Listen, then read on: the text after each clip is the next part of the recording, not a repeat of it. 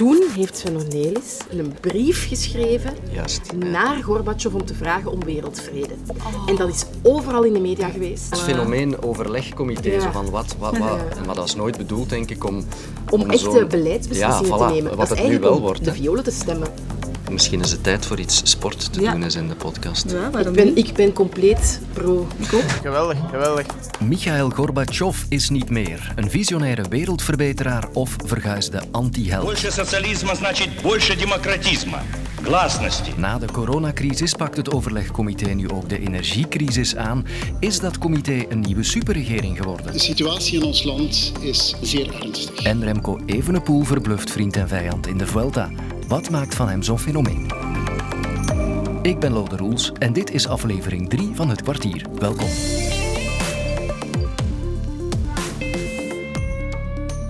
Mikhail Gorbachev is overleden, de laatste president van de Sovjet-Unie. De term historisch gebruiken we het liefst spaarzaam hier, maar in dit geval kunnen we die echt wel bovenhalen. Al was hij de laatste tijd wel wat in de coulissen van de actualiteit verdwenen. Katrien Boon frist ons geheugen op. Ik ben 13 jaar en ik zie op tv een man met een opvallende wijnvlek praten over democratie en openheid. Больше социализма значит больше демократизма, гласности. Mikhail Gorbachev, boerenzoon en leider van de communistische Sovjet-Unie. Hij is een hervormer, maakt komaf met oud zeer, zoals censuur en bureaucratie, en zoekt meer aansluiting bij het Westen. De strakke communistische planeconomie laat hij los in de hoop het kwakkelende land te redden. Michail Gorbachev schrijft geschiedenis. Als wereldleider die toelaat dat het ijzeren gordijn valt, dat Europa in twee stukken verdeelt. En die samen met de Amerikaanse president Reagan de 40 jaar lange Koude Oorlog beëindigt. On this vital issue, we have seen what can be accomplished when we pull together. Daarvoor krijgt Gorbachev de Nobelprijs voor de Vrede.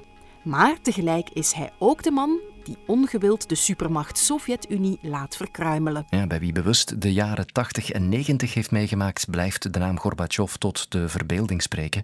Wist je dat zelfs radiomaker Sven Ornelis een verleden heeft met de man? Jazeker. Als 15-jarige schreef hij een brief naar Moskou en hij kreeg antwoord. En daardoor mocht hij Gorby zelfs ontmoeten. Ik had een programma gezien op de toenmalige BRT en dat ging over die perestroika in Glasnost. En ik heb daar weinig trekjes van overgehouden, maar ik was een zeer idealistisch kind in die tijd.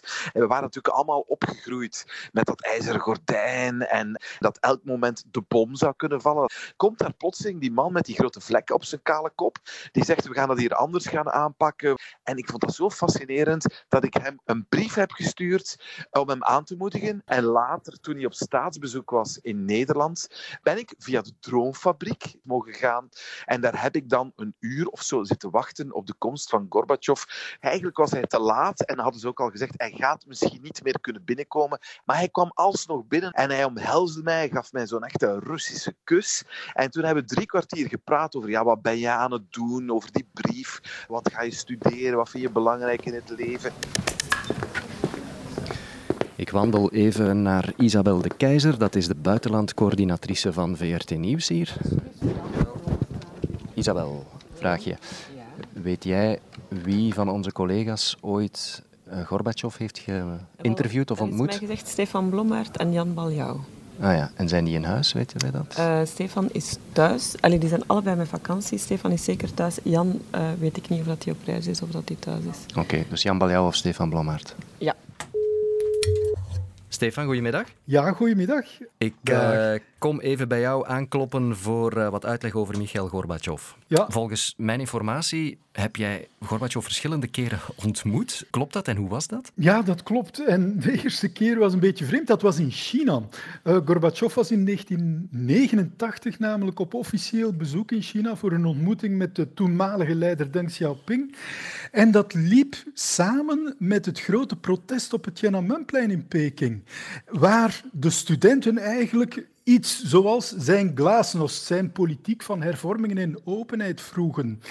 En Gorbachev heb ik toen persoonlijk ontmoet op de muur, waar hij een kort bezoek aan bracht. En ik stond tussen een heleboel fotografen en ik was de enige zonder camera. Oh. En die stopte pal voor mij, omdat hij dan in mijn ogen kon kijken.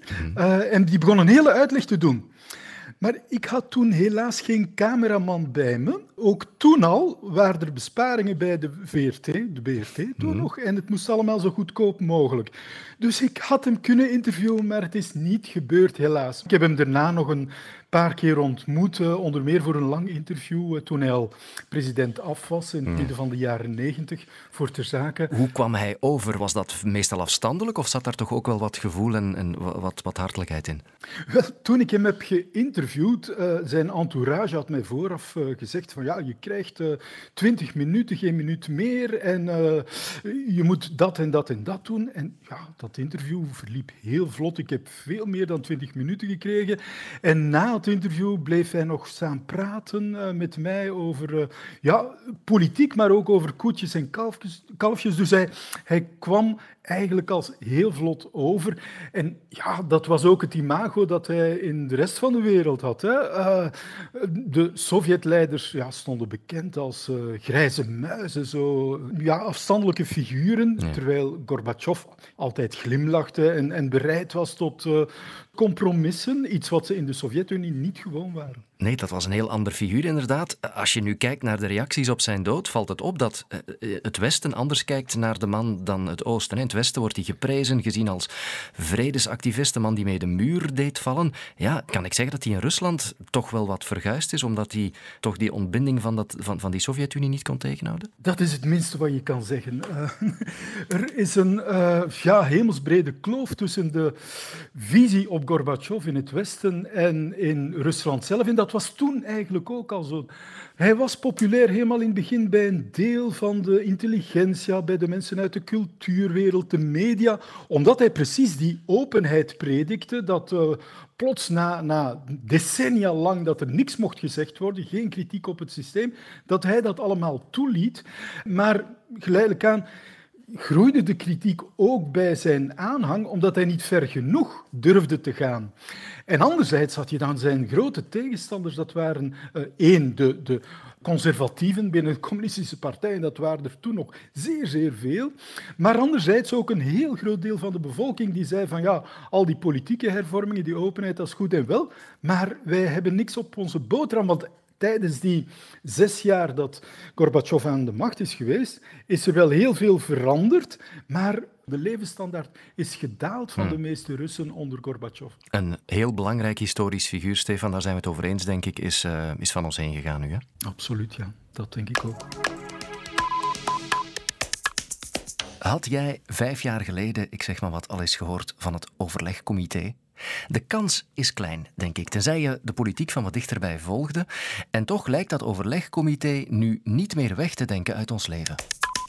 Het overlegcomité komt woensdag vervroegd bijeen. Vanmiddag beslist het overlegcomité van alle regeringen van ons land. Voor namiddag een overlegcomité gepland over de coronamaatregelen. Een nieuwe vrijdag, een nieuw overlegcomité. Op om morgen op het overlegcomité bijkomende maatregelen te nemen tegen de aanleiding van, wat had u gedacht, het overlegcomité. Want alle regeringen van ons land... Het overlegcomité van 22 december moet vooral... En kijk, het overlegcomité is weer helemaal terug. Vandaag steken ze de koppen bij elkaar om de energiecrisis te bespreken.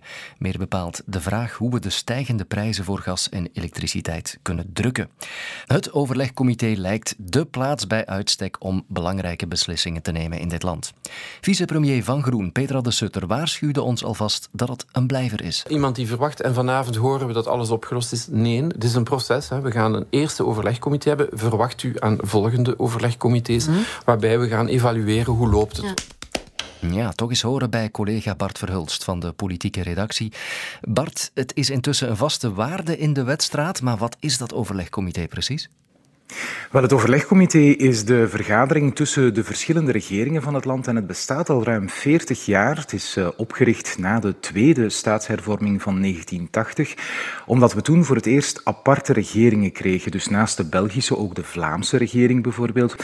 En ja, er is in ons land geen enkele regering baas over een andere regering. En dus had je een plek nodig voor die regeringen om te overleggen bij conflicten. En dat is eigenlijk de belangrijkste taak van zo'n overlegcomité.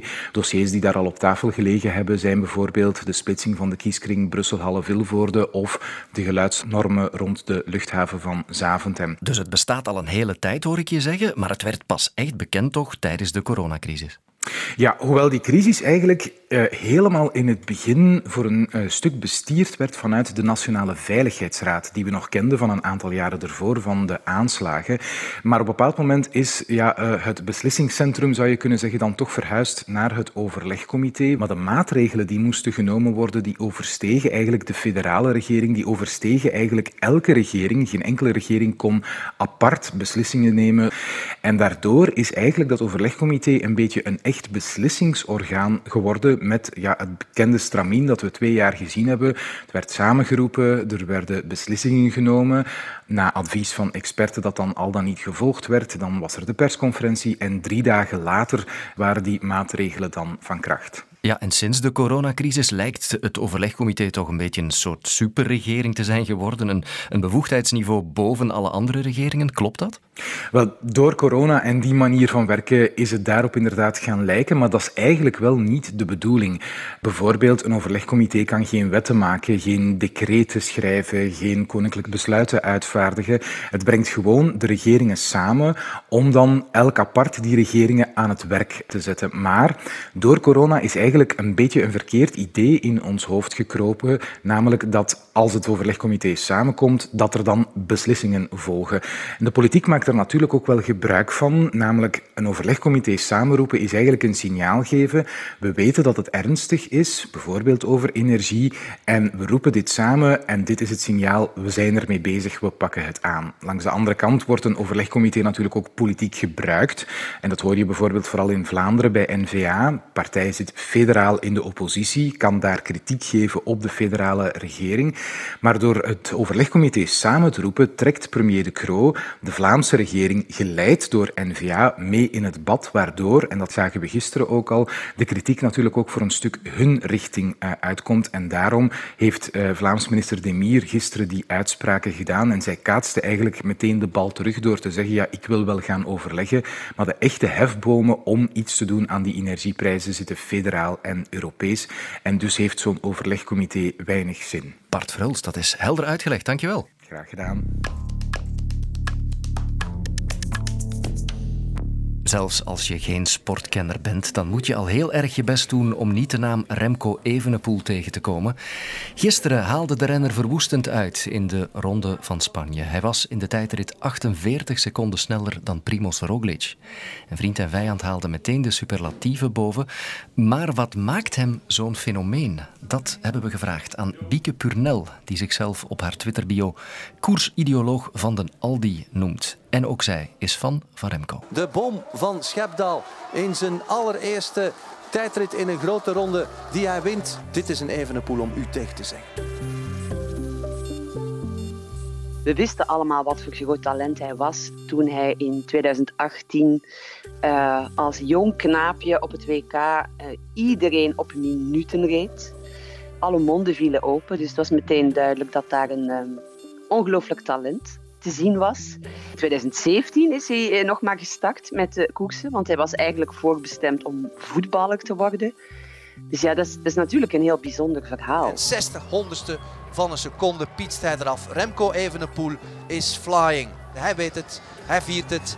Hij kijkt naar de supporters en is wereldkampioen tijdrijden bij de junioren. Remco Evenepoel uit Schepdaal. We zijn in dit land zodanig, soms zodanig verblind door het wielrennen dat van zodra de talent de kop opsteekt, dat we die jongens um, overladen met verwachtingen, waarna er eigenlijk bijna alleen maar teleurstelling kan volgen.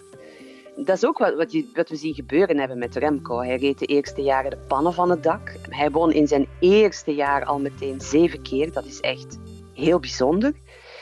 En vanaf dan kon hij eigenlijk alleen nog maar verliezen. Hij is omhoog gestuurd en afgeschreven en opgehemeld en verguisd en aanbeden en gehaat. En dat allemaal in vijf jaar tijd. Alsjeblieft, Valverde Enco, de wereldkampioen. Wie is dat, jong? Ja. Sorry mensen. Sorry hoor, maar u begrijpt dat we het hoofd ook even niet cool kunnen houden bij het zien van zo'n jonge kerel die dit doet. Maar wat ook niet hielp, denk ik, is Remco's karakter. Het is een heel uitgesproken jongen, met heel veel zelfvertrouwen, veel brani, soms op het randje van het arrogante. En dat zijn dingen waar je als voetballer in dit land mee wegkomt, maar waar veel wielerfans een beetje aanstoot aan nemen. Coureurs die moeten bescheiden zijn, toegankelijk zijn, met hun twee voetjes op de grond, stevig in de Vlaamse klei. Ik ben uh, super gelukkig. Uh, het was echt een groot doel van mij om deze tijdrit te winnen. Uh, en om het ook zo te kunnen doen is echt geweldig. ja, geweldig, geweldig. En tegelijk heeft hij gewoon intussen niet stilgezeten. Al de dingen waarvan men schreef dat hij ze niet kon. Hij kon niet sturen. Hij kon niet dalen. Hij kon geen steile lange klims aan. Ja, dat zijn de dingen die hij nu allemaal met verve aan het doen is. En zelfs als hij deze Vuelta niet wint, is het wel duidelijk dat hij ongelooflijke stappen heeft gezet en dat de toekomst hem toelacht. En daarmee is onze rit gereden voor vandaag. Morgen breng ik je de drie belangrijkste nieuwsverhalen van die dag. Graag tot dan. Luister ook naar Win-Win, de podcast waarin Sven Pichal en Kathleen Kraanhals tips geven om slimmer met je geld om te gaan. Nu in de app van VRT Max.